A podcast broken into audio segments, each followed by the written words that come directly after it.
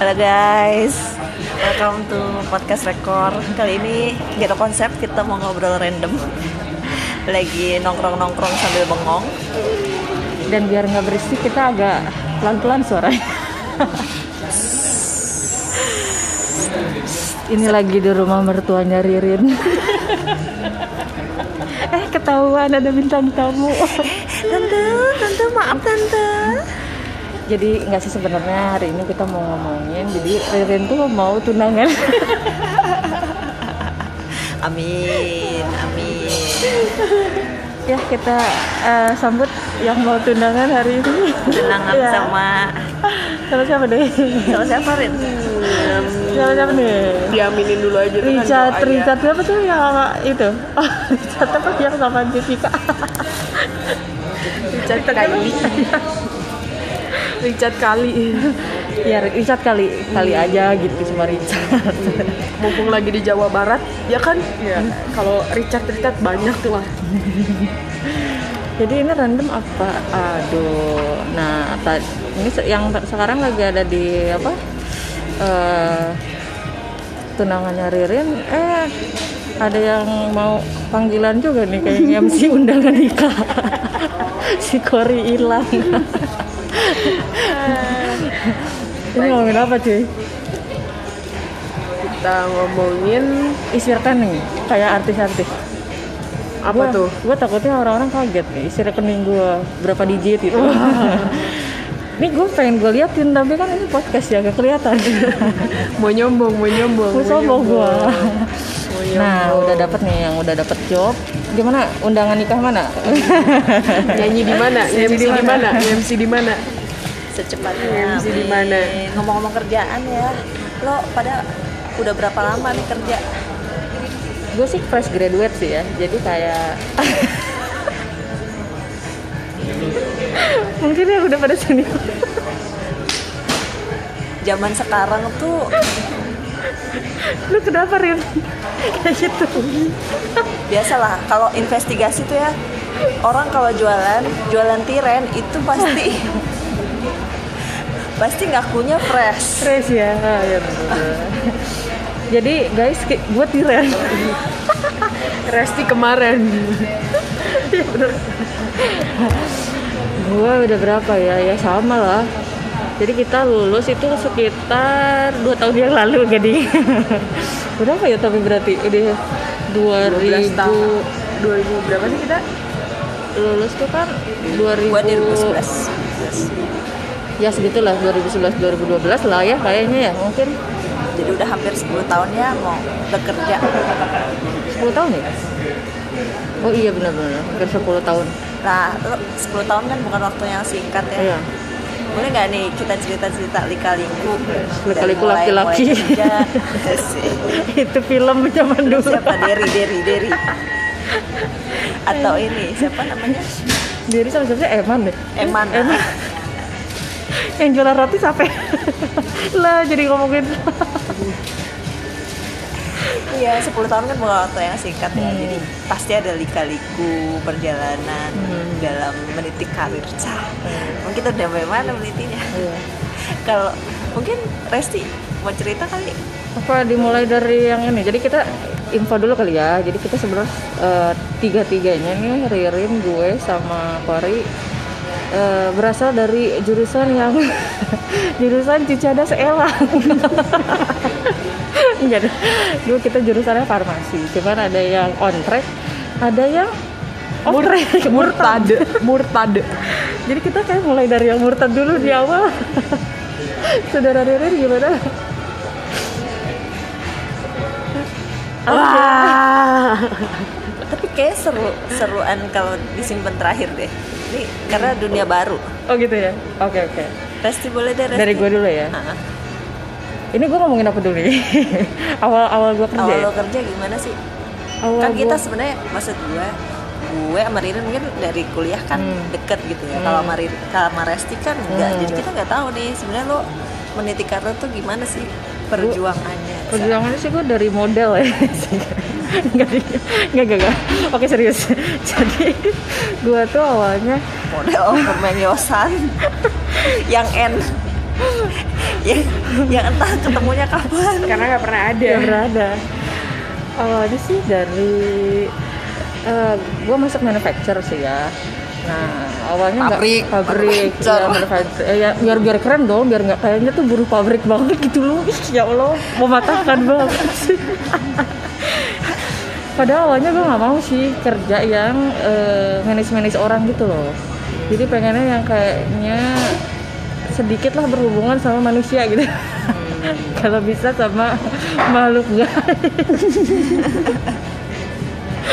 maksudnya dokumen cuy kayak gitu. Kayaknya kayak lebih mudah diatur gitu.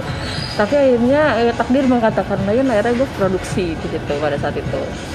Tapi ternyata pada saat kerja itu jadi produksi itu nggak terlalu ilmu gue tuh nggak terlalu banyak kepake sih ya.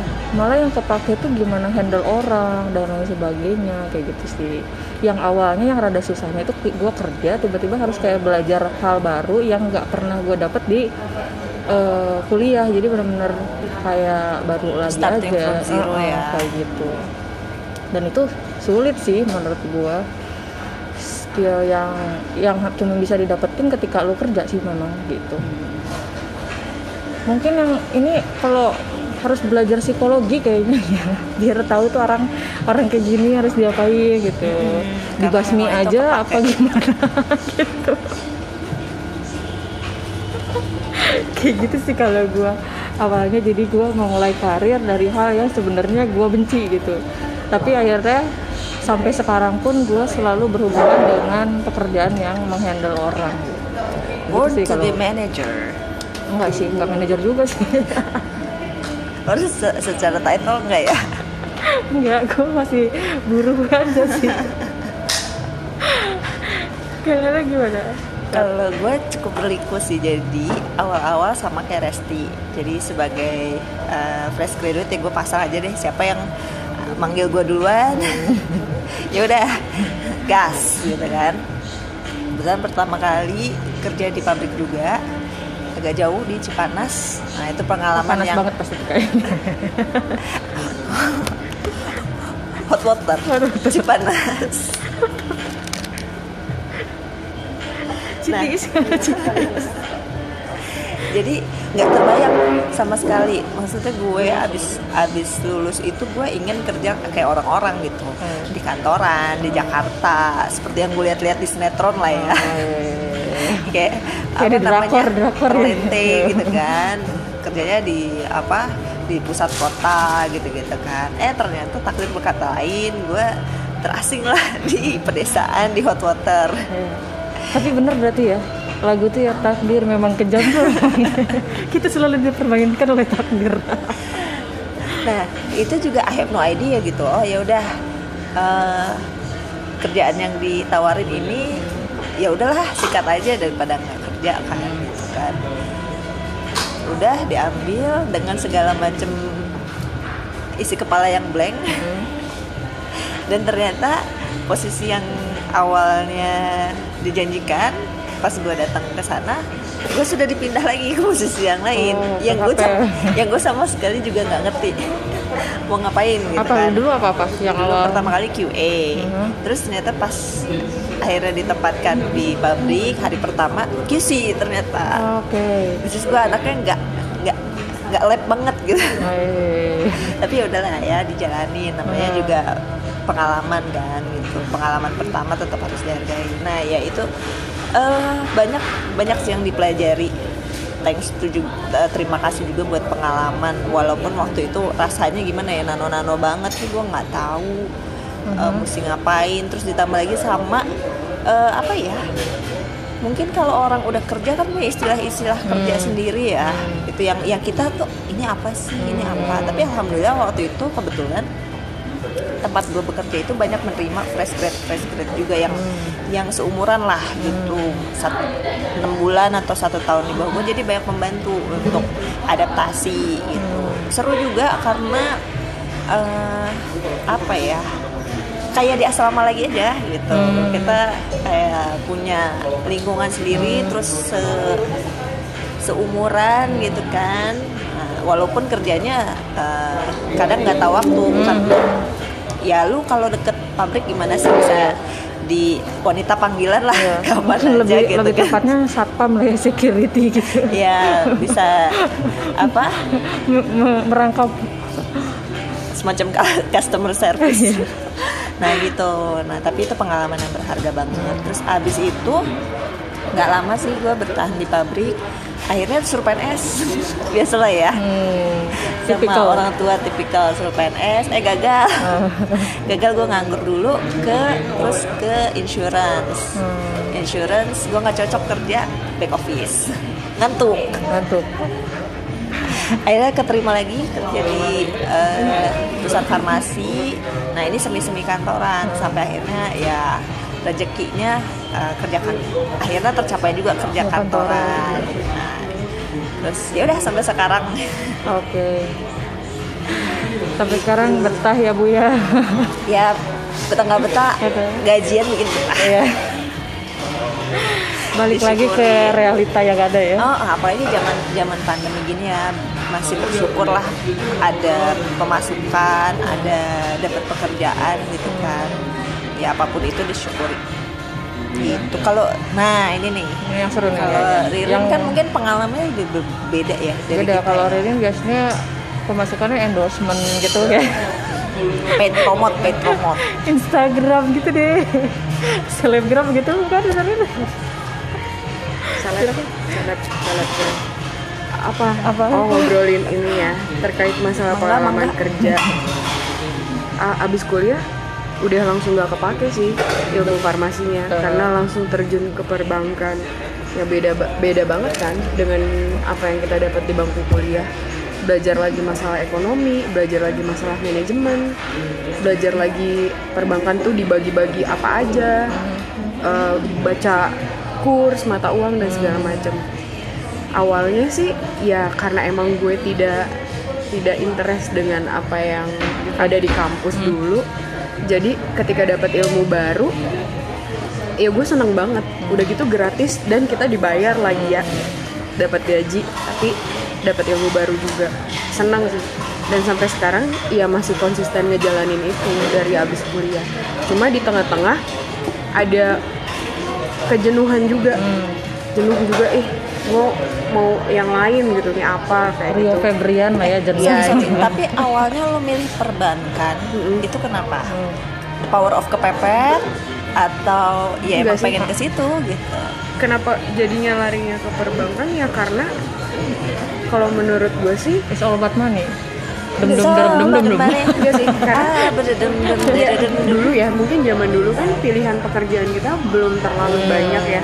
Terus rata-rata teman-teman semua yang lulus dari kuliah larinya ke pabrik metrep. Gue tuh nggak punya jiwa marketing sama sekali. sekali, ya. akan kebingungan nanti di lapangan diterjunkan kayak gitu. Nah terus dulu stigma orang-orang wah kalau kerja di perbankan tuh keren gini gitu gini gitu dan Tadi ya perlente. Nah gitu, tapi setelah masuk ya sama aja kita sama-sama buruh, sama-sama ya di gitu. Nah, ya udah sih tapi bersyukur bener kata Kori di masa pandemi sekarang ya udah disyukurin aja apa yang ada. Cuma di tengah perjalanan ternyata gue menemukan keasikan yang lain karena gue jenuh itu gue menyadari bahwa ih ada kerjaan yang cuma begini doang tapi lumayan penghasilannya. bener Jadilah berarti gue- endorsement gitu ya tidak endorsement dong saudara-saudara tidak seperti itu tidak seperti itu tiba-tiba saya BO ya, BO ya. tiba-tiba saya BO ya. bimbingan online Besar omong.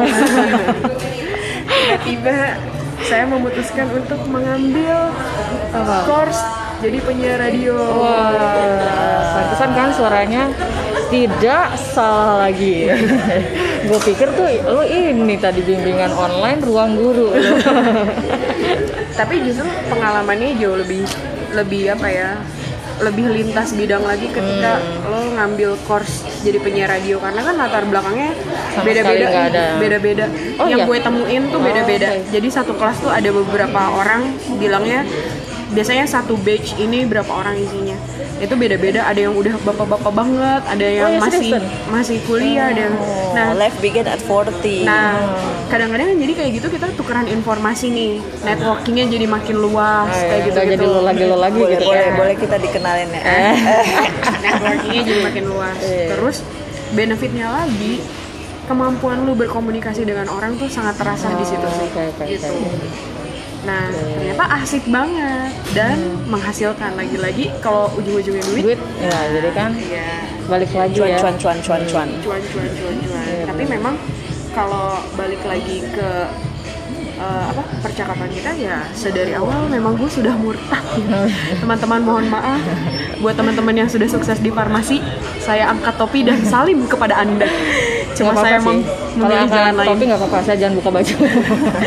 Pokoknya salim buat teman-teman yang masih konsisten berjalan di situ. Tapi menurut gue wajar-wajar aja ya. Gue pun bertemu di maksudnya kayak dunia sales dan marketing itu banyak banget yang mereka nggak align dengan Iya. uh, apa ya mata kuliah yang dijalani Iya. gitu kan. Karena mungkin ketika kita milih jurusan itu kan kita mungkin belum tahu ya apa yang kita mau apa yang kita butuh passion. Passion even passion pun kita nggak tahu itu apa kan gitu. Jadi banyak banget emang yang oh ternyata dia lulusan ini ternyata dia lulusan ini gitu kan. Ya nggak jauh-jauh lah. Ada salah satu eh, universitas satu di bilangan Bogor ya kan yang sains ternyata lulusannya banyak kerja di perbankan. Nah kan? gue bisa nebak tuh itu siapa. Iya. Nah, itu maksud gue jadi jangan berkecil hati juga Iya. yang yang dan mereka sukses juga gitu tapi kan? menurut gua nggak ada loh yang salah jurusan. Menurut gua mungkin oke lah eh, seca- kita di jurusan itu tapi kemudian eh, kebanyakan ilmunya itu nggak kepake. Tapi sebenarnya eh, kuliah menurut gua atau sekolah pada umumnya lebih ke mem- mempelajari gimana kita berpikir gitu Eh, pola pikir kita Iya, benar, eh, benar, eh, benar. cara kita sistematis dan lain betul sebagainya betul jadi menurut gua masalah nantinya sama jurusan atau enggak menurut gua yang penting berguna sih. Iya, nggak sih? betul, betul. Gitu sih kalau menurut Iya, gua. benar-benar. dan life kan is unexpectable ya kita nggak pernah tahu jalan hidup tuh membawa kita ke mana gitu mau kita oh pengennya on the track ini ini ini tapi kadang ada ada satu kesempatan dalam hidup atau ad- atau suatu peristiwa dalam hidup yang memaksa kita akhirnya keluar dari track itu gitu kan. Jadi ya menurut gue sih nggak ada masalah ya. Iya, iya. bahkan gini kalau lo emang udah nggak merasa nyaman dengan eh, pekerjaan yang katanya on track dengan lo ya find yourself lah gitu. Walaupun itu di luar jalur itu banyak Iya. banget kok yang kayak gitu. Jangan jangan terpaku pada wah gue udah capek-capek nih kuliah ini. Hey lu kuliah hanya 4 tahun Iya. lima tahun ya. Sedangkan lo bekerja itu berkali-kali lipat gitu. Dan kayak tadi bener sih Ririn kan kayak ke apa ikut kursus lagi atau latihan dan lain sebagainya. Itu kan sebenarnya belajar lagi gitu kan. Dan mak- maksudnya ya kita selama hidup udah belajar isinya lo apa lifelong learner ya kalau Iya, kita lifelong learner. Ibaratnya terserah mau maksudnya mau dengan subjek yang sama ataupun enggak ada yang ya kita mungkin tidak jadinya S2 atau S3 tapi apalah itu esteller dan sebagainya tapi kita dapat loh kan sebenarnya bukan masalah ijazahnya sih ya tapi kita mempelajari hal baru gitu. Jujur di situ baru menemukan passion sih. Hmm. dulu soalnya waktu kuliah kan mungkin kita cuma ikut-ikut teman atau di udah lu di rumah kuliah deh sama o- orang tua terserah lo mau apa gitu. Ya ju- justru nggak tahu ya ini gue merasa telat atau enggak justru gue menemukan passion gue kalau wah radio nih kayaknya nggak ini nih nggak farmasi banget gitu misalnya. Justru ya setelah gue yang kerja gitu kerja ketemu dengan banyak orang baru baru ngebuka diri wah ternyata passion gue di sini gitu sih sebenarnya. Mungkin mm, mungkin juga culture juga ya dari zaman dulu kan kita selalu di apa ya diperlihatkan bahwa oh lu kuliah ini nanti masuk ke eh, perusahaan ini atau jadi PNS di sini yang align gitu kan dengan eh, bidang studi yang lo dalami gitu kan. Tapi kan mulai ke sini orang mulai breakthrough ya mulai breakthrough. Kayak gue nggak nyaman kalau mungkin orang-orang zaman dulu korek me Fantong dia bisa bertahan gitu dengan gue nggak nyaman ini ya udah gue udah mengambil jalan ini. Kalau orang zaman sekarang mungkin ya dia lebih berani gitu kan Iya. untuk ngambil challenge dan apa ya. Dan mungkin trennya sekarang pun udah dia bisa berani ngambil apa ya do the things that uh, they want to do gitu.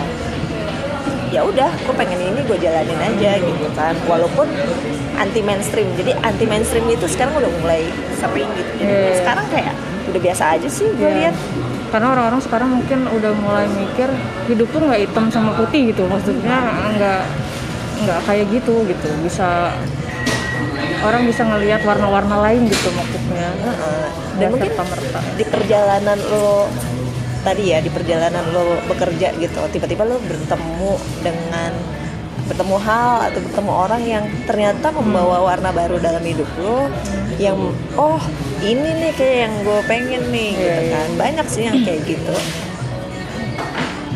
jadi ya nggak usah gimana ya nggak usah minder lah ini gue nggak gue nggak sesuai sama jurusan gitu Iya. kan banyak yang banyak yang uh, nggak bisa sukses kok tanpa sesuai jurusan. Nah, tapi juga gue appreciate banget sama orang-orang yang dia bisa nih align sama jurusan dan uh, bisa sangat intensif gitu, jadi ahli atau expert gitu. Itu kan berarti dia passionate banget dan bener-bener apa ya uh, mencoba untuk apa ya di Indonesia tuh kan expert tuh Jarang. jarang ya jadi hal kayak gitu sih yang palu gada Yang- itu ya yang dicari yang palu gada Ah, yang sekarang diperlukan kan di dunia industri yang cukup apa namanya semua itu ya lu pasti sering denger lah multitasking Heeh, di setiap multitasking. kali itu kan. Nah, multitasking itu apakah menjamin eh, kita bisa menjadi expert Mhm. atau enggak gitu. Iya. Karena ya balik lagi kebutuhan industri itu nggak hanya kadang ya, tidak hanya membutuhkan expertise lu, tapi ada banyak KPI yang harus dipenuhi kan Hmm. Oh, iya. selain itu kan. gitu. Tapi- ya ujungnya sales lu nyampe nggak? Nah gitu. Tapi si Ririn nih, lo gimana Ri? Kan berarti udah pernah dua bidang nih. Biasanya kan setiap tempat itu punya culture-nya yang beda nih. Kemarin perbankan, kemudian sekarang mungkin yang lebih ke apa sih gue bilangnya hiburan atau apa ya? Sebenarnya Entertain. kalau- Entertain apa gimana? sebenarnya kalau misalnya gini kalau di radio itu sendiri sebenarnya itu adalah hobi Mhm. tapi lo dapat keuntungan lo dibayar Hmm. ya Hmm. nah gue masih tetap menjalani dua-duanya sih Oh, Ya, Oke. karena karena dia masih freelance yang sangat fleksibel jadi di radio itu kita terikat kontrak di tapi radio. Aku ada. tapi ya gitu sefleksibel itu gitu. apalagi sedari awal terjun ke dunia radio biasanya kita diharuskan untuk jujur maksudnya lo punya kerjaan yang reguler nggak Hmm. kalau misalnya ada ya tinggal di negosiasi Di aja tuh match. ah, di negosiasi Laju aja lo. Hmm. kapan mau siaran dan segala macam gitu jadi ya sangat fleksibel. Dan gue senangnya tuh di radio ya. Selama ini kan notabene ah lo ngebacot dan bla bla bla doang. Model suara bagus dan segala macam. Ternyata enggak gitu. Kita kita yang di radio tuh justru wawasannya dipaksa ya kan untuk up to date ya kan membuat bahan siaran sendiri ya kan.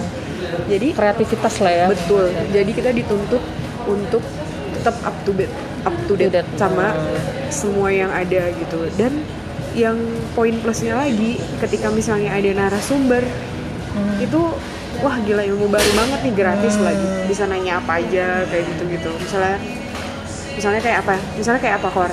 Kayak Kori kan suka webinar gitu. Sebelum masa pandemi kan mungkin Nggak ada. bisa aja diiklanin eh gue undang dong dokter lo ke kantor gue Hmm. gitu gitu nah itu kan sebenarnya hal yang baru buat kita kita yang tidak berkecimpung di dunia Hmm, medis iya, iya, iya. jadi wah bisa nanya gratis dapat informasi yang Oke. lumayan Hmm. gitu. kayak gitu sih Tapi enaknya ini tuh ya, enaknya Eh, sebenarnya dengan beda jarus, eh, jurusan atau jadinya keluar dari track menurut gua juga tadi kan wawasan jadi lebih terbuka ketemu orang juga jadi macem-macem karena kadang satu jurusan itu punya tipikal tipikalnya orangnya kayak gini-gini gitu. Ya nggak semuanya Kalau sih. di farmasi tuh 4L, lu lagi lu lagi. lagi. Dan maksudnya cara-cara gaulnya berpikirnya mungkin akan hampir sama gitu. Iya. tapi kalau misalkan kayak Ririn gini akhirnya dia bisa nemuin dunia baru dan menurut gue itu jadinya mungkin orang-orang seperti itu akan lebih open minded nggak sih? Maksudnya jadi lebih tahu nggak melulu tentang profesi profesi gue doang gitu Because- ada because profesi you yang see- lain gitu You see uh, something out of the box Iya, gitu ya. gitu. Gitu ya.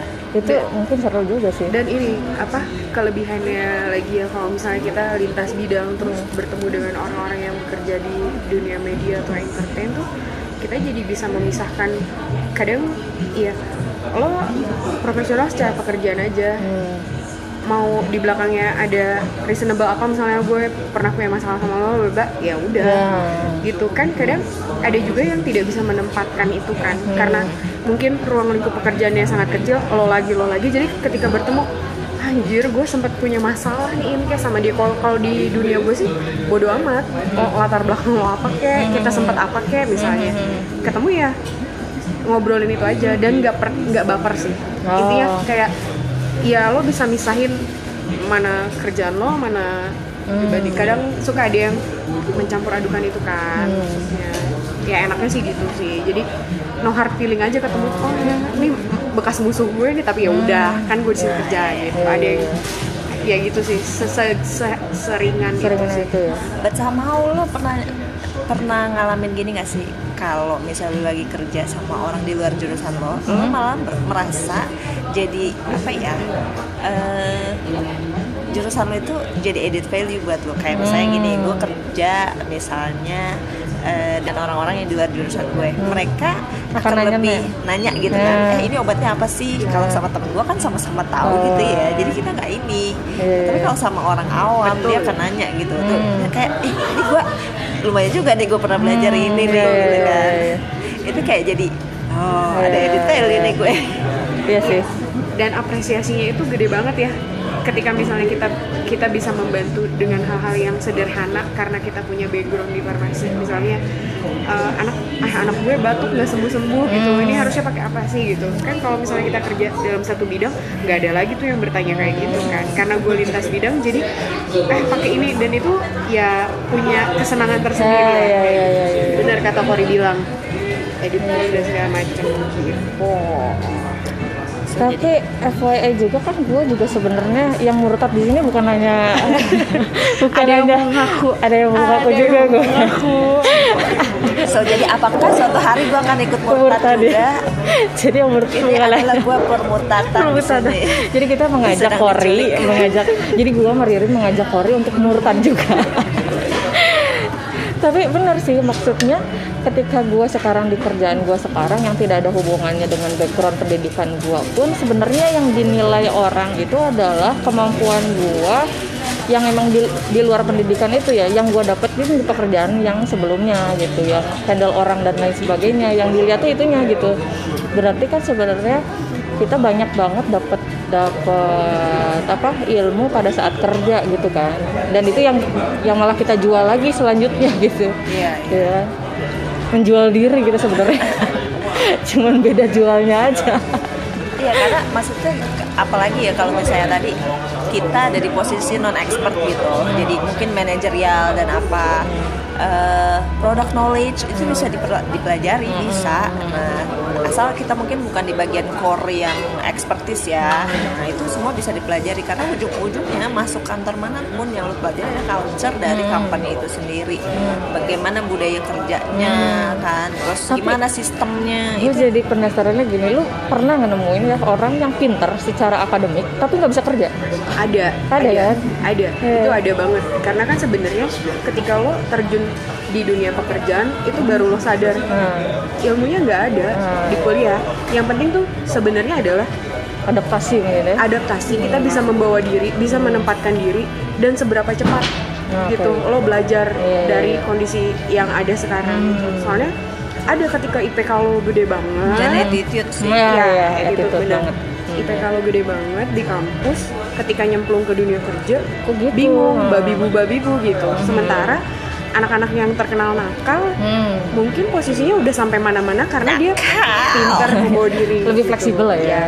ya kan ada juga anak nakal ya. Nakal. Nakal dan- dalam dan- tanda kutip. dan memang nakal. Iya iya iya iya. Iya sih gitu gue benar-benar. Iya kan suka ada yang kayak gitu jadi buat adik-adik kok adik-adik gue berasa kakak-kakak Iya sebenarnya Trilili. sebenarnya kuliah juga tidak salah sih Ah. kayak yang tadi kita udah bahas kuliah itu membentuk Hmm, pola pikir, pola pikir. gitu jadi dibekali dengan pola pikir yang baik Iya. ya kalau dan misalnya dan hidup tuh nggak ada salah bener sih kalau menurut gue ya. Nggak kayak sinetron gue ada antagonis dan protagonis sih menurut gue maksudnya lo mau apa yang penting se- sebenarnya kalau udah dewasa tuh akhirnya lo akan berpikir bahwa setiap yang lo ambil keputusan dapat lo pertanggungjawabkan asik. Ya, dan, dan maksudnya zaman kita dulu ya eh, pemilihan eh, kuliah itu Hmm. kayak gue sempet ngebahas ini sih sama anak-anak camat ya Rin sebelumnya ya. Dulu kita banyak di drive sama orang tua. Eh Ah, lo ya. harus ini lo harus ini gitu Termasuk kan. tapi me. tanpa tanpa blaming ke orang tua. Maksudnya kan waktu itu kita juga mungkin belum punya ke Kekuatan, kemampuan ya. kita belum punya kemampuan menganalisa diri sendiri iya, gue tuh iya. maunya apa gitu ya kan. orang tuh kan istilahnya cuma mengarahkan lah ya. Jadi emang itu takdir aja lu kuliah di situ gitu. Ambil jurusan itu takdir iya. aja gitu. Mungkin kalau anak-anak sekarang kan apa ya pengembangan eh, pola pikirnya tuh dibangun dari saya SMA masuk SMA jadi dia udah tahu nih terus udah mulai eh, apa namanya? Dari bangku Eh, sekolah sudah dari bangku dikerucutin tuh. udah dilihatin nih oh kerja sebagai ini detailnya seperti ini seperti ini ini. even dari kecil ya, ya let's say kalau gue bisa nyebut kayak kalau di Jakarta tuh ada Kidsania udah dilihatin tuh dari kecil oh bos eh, namanya dokter gigi tuh kerjanya begini begini dia bisa menjalani gitu gitu kan. Nah jadi itu udah udah kebentuk dulu mah kita mana Ah, tahu. iya. Sih. tahu main galasin ya kan? Ya mungkin sih mungkin untuk ibu-ibu muda sekarang ya kalau gue boleh bilang mungkin orang tua kita zaman dulu karena terlalu stereo, stereotypical banget gitu maksudnya. Yang kayak gini yang sukses yang kayak gini yang enggak. Maksudnya mulai bahwa nggak ada eh, yang lebih keren pekerjaan tuh eh, satu sama lainnya gitu. Menurut gua kalau dikerjakannya dengan passion dan bersungguh-sungguh kadang kita sekarang mungkin baru ngelihat ya ada yang namanya jadi VO jadi apa yang kita mungkin dulunya mikir emang yang kayak gitu bisa dapet duit ya? Misalkan kan gitu. Misalkan orang yang cuma foto-foto doang nih selebgram emang bisa dapet duit? Nah mungkin kalau eh, kita adalah dilahirkan dulu eh, mungkin orang tua kita belum se open minded itu gitu. Karena mikirnya ya tadi mungkin PNS eh, lebih suka hal-hal yang eh, pasti-pasti yang stabil. Tapi kan apa sih yang pasti sekarang ya? Di dunia ini ada yang pasti. Bener gak coy? Jadi itu sih ya mungkin pasti ya. hanya perubahan. Iya. Dan mati. intinya kalau menjalani segala sesuatunya jangan jadi beban buat kita gitu. Lo ngejalanin itu se-enjoy mungkin seseneng mungkin supaya ya antara pendapatan dan effort ya sama. Jangan sampai ketika misalnya lo tidak suka lo memaksakan karena kebutuhan yang lain nih desakan dari orang tua. Misalnya lo jangan keluar dari pekerjaan itu. Ya mulai sekarang belum terlambat ya lo mulai menggali potensi lo sebenarnya di mana sih gitu. Karena stres lo ngejalanin hal-hal yang lo nggak suka dipaksakan gitu. Kalau gue sih ngejalaninnya gue tidak lihat materinya dulu sih. Iya iya benar. Gue pasti ngelihatnya gue seneng nggak beban gue jalanin. Iya, iya, iya. karena kadang nih ya eh, lo ngasilin banyak uang tapi lo nggak happy. Hmm. nanti ujung-ujungnya lo menghabiskan uang untuk membayar ketidakhappyan Iya. lo misalnya. Iya, iya. gue nggak happy nih tapi duit gue banyak. Hmm, gue belanja untuk membayar ketidakhappyan gue is it Iya, iya. really happiness? Tapi di sisi lain eh, frankly speaking honest juga ya realita ya orang butuh Hmm. Butuh duit. duit. Nah, itu sebenarnya pilihan juga sih. Kalau memang eh, kondisi lo memaksa, bener-bener memaksa lo untuk ya gue gue hanya bisa survive dengan ini, ya go ahead gitu. Ya. Jangan ala-ala yang kayak nanti luntang lantung ujungnya kan gitu. Jadi ya tapi balik lagi nggak apa ya kesuksesan kesuksesan itu tidak indikatornya bukan cuman lu dapat duit berapa lo dapet apa namanya pride-nya apa kayak sih, apa gitu kan. Kalau mungkin dulu kelihatannya gitu kan. Hmm. sekarang mungkin ada yang pendapatannya nggak seberapa gitu pas gitu. Tapi dia happy dengan Ya. yang dia jalani gitu kan. Karena setiap orang punya prioritas hidup beda-beda ya. Kalau gue sih lebih yang kayak gitu. Selama gue hidupnya bahagia menjalani itu ya udah jalani gitu. Kan akan semuanya lebih bahagia lagi tapi kalau duitnya lebih banyak. Itu masalah proses sih sebenarnya. Bukan bukan serta merta hasil tapi proses, Iya, proses. gitu. Jadi karena yang mahal tuh prosesnya yes. Gitu gue bahagia sih tapi dan gue sih ini ya mungkin kalau ada orang yang misalnya orang tuanya lu A gitu terus dia mungkin dari sekarang udah gue harus ngikutin passionnya jadi B gitu. Nah menurut gue yang kayak gitu sih nggak masalah ya asal maksudnya dibicarakan tapi harus punya tekad yang kuat gitu. Kadang misalkan mereka kan berpikir itu gampang banget didapat tapi suatu saat pas dijalanin ada masalah terus mereka ciut gitu. Padahal mungkin bentar lagi nih nyampe gitu. Akhirnya mereka merasa bahwa ih bener nih kayaknya kata nyokap gua atau kata bokap gua jangan kayak gini. Akhirnya mereka berhenti jadi kayak gambar-gambar di ya Facebook itu ya yang mereka gali-gali tanah Hmm. sebenarnya itu udah deket lagi tuh dapat diamond Hmm. dapat permata di Iya. dalam itu tapi karena kok nggak nyampe nyampe nggak kelihatan nggak kelihatan Hmm. akhirnya mereka balik Iya, gitu kan iya. ternyata itu sebenarnya dikit lagi gitu Iya, dia mau dapat kayak gitu sih maksudnya yang bener-bener tekad jangan sampai jadi iya nih kayaknya kata nyokap gua atau apa ya maksudnya kalau selama lu ngerasa itu yang memang lu mau harus diperjuangin sih Bener, tapi balik lagi res. Re- realita Iya, gitu. realita kalau lu sampai boncos-boncos banget Iya, ya ah, ah, ah. it's time to stop iya gitu. iya iya iya. dia tahu tahu di mana lu masih bermasalah berhenti atau masih harus nyari lagi kan gamblingnya jangan sampai jor-joran Ya, banget lah iya. karena udah pada besar ya bisa memutuskan gue harus lanjut atau enggak gitu ikutin hati nurani lo aja lah gitu tapi penting banget Rin eh, Resti lo sendiri merasa eh, apa yang lo jalanin saat ini tuh sebenarnya udah sesuatu yang lo mau belum oke gue dulu it's a matter sih menurut gue Gue dulu ya? nah, boleh lo dulu. kalau gue sih ngerasa sampingan gue udah sesuai dengan apa yang gue mau dan gue sih mulai berpikir untuk tidak kerja di corporate lagi. Gue sedang mencari jalan gimana caranya gue bisa lepas.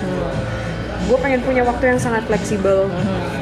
Jadi misalnya gue bisa me time sama keluarga nggak 9 to 5 nggak harus ini nggak harus itu. Gue pengen bekerja sesuai apa yang gue mau. Nah gimana caranya? Ya lo harus banyak mengembangkan kemampuan lo potensi lo apa gitu karena gue akan meninggalkan ini tapi gue harus punya yang settle dulu. Dan sekarang gue sedang dalam proses itu. Doakan ya teman-teman. Kita doakan saudara-saudara untuk Bismillahirrahmanirrahim. Ya salah ya. Jadi berdoa bersama.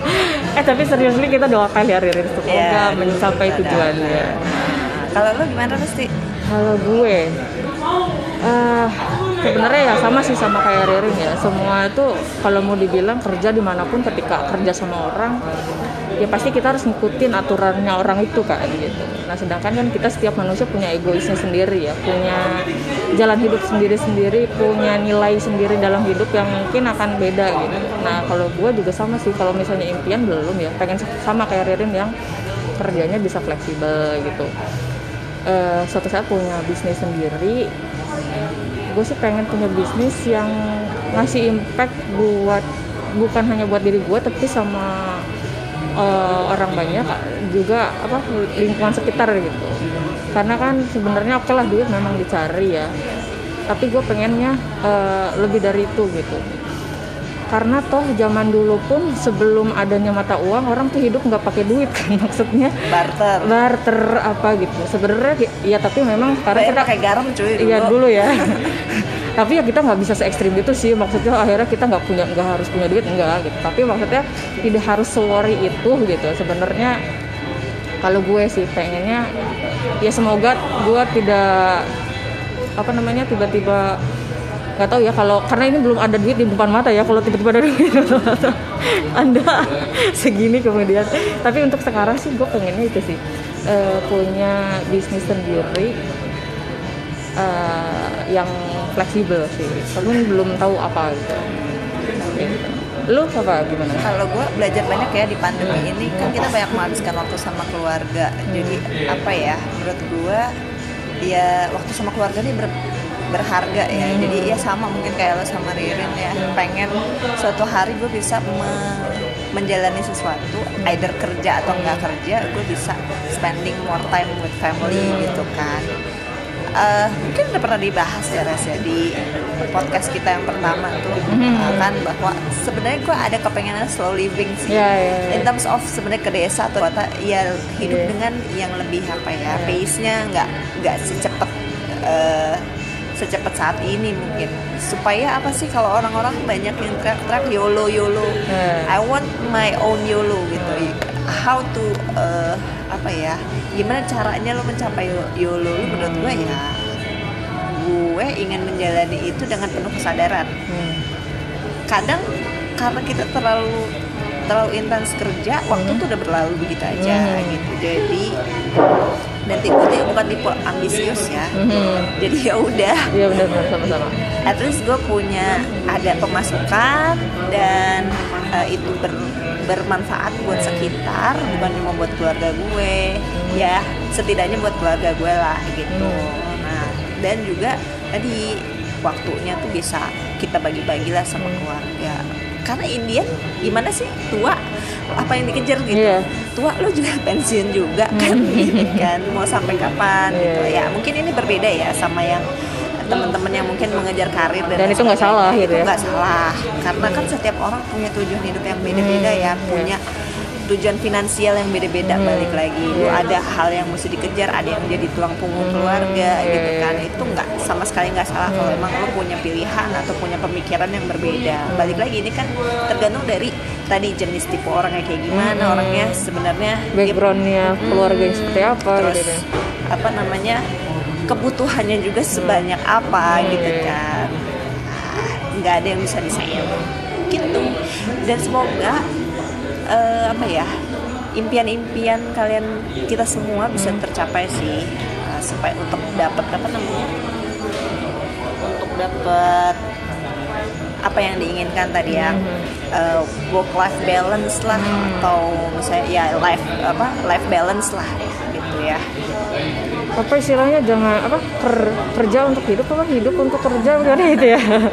Ya lo kerja apa dikerjain itu ya? Yang katanya Bang Sabino. Oke oke.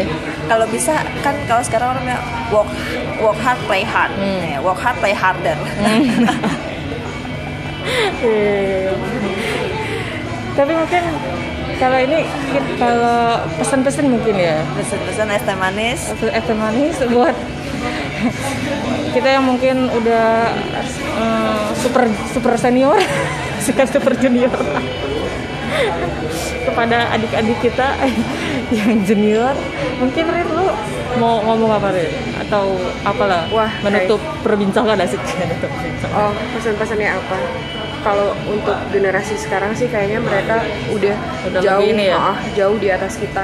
Informasi udah banyak banget. Oke. Bahkan sedari awal sebelum duduk di bangku kuliah mereka sudah tahu passionnya mau apa. Hmm. Mereka sudah tahu tujuannya mau ke mana. Ya kalau pesan-pesan dari gue ya tinggal dilanjutkan aja sesuai dengan Eh, apa yang kalian mau. Udah Oke. kayak gitu. Konsisten, konsisten tuh paling penting. Konsisten. oke oke konsisten lu gue apa ya do what you want aja sih Iya, iya. sebenarnya Uh, as long as it's a good thing ya gitu. Dan apa ya uh, realistis juga gitu. Jangan maksudnya ngawang-ngawang what you want tapi jangan ngawang-ngawang. Dan uh, ya pastikan kalau itu baik buat lo.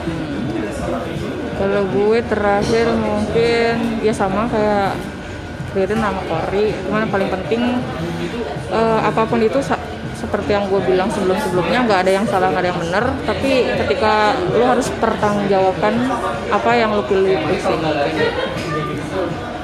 Mungkin kayak gitu kali ya. oke Mungkin gitu eh, perbincangan random kita kali ini. mudah-mudahan dapat faedahnya ya adik-adik Iya, ya adik-adik. Oh, kalau jadi ini- kakak-kakak mohon pencerahannya kak Mungkin kita ada legging kata. leggingnya kak keluaran terbaru kakak atau hijabnya kak Dicek di Instagram kita kakak. Lagi jualan sialan. oke deh kalau gitu mungkin sampai di sini aja kita akan ngobrol-ngobrol lagi di podcast record selanjutnya ya bye bye Bye.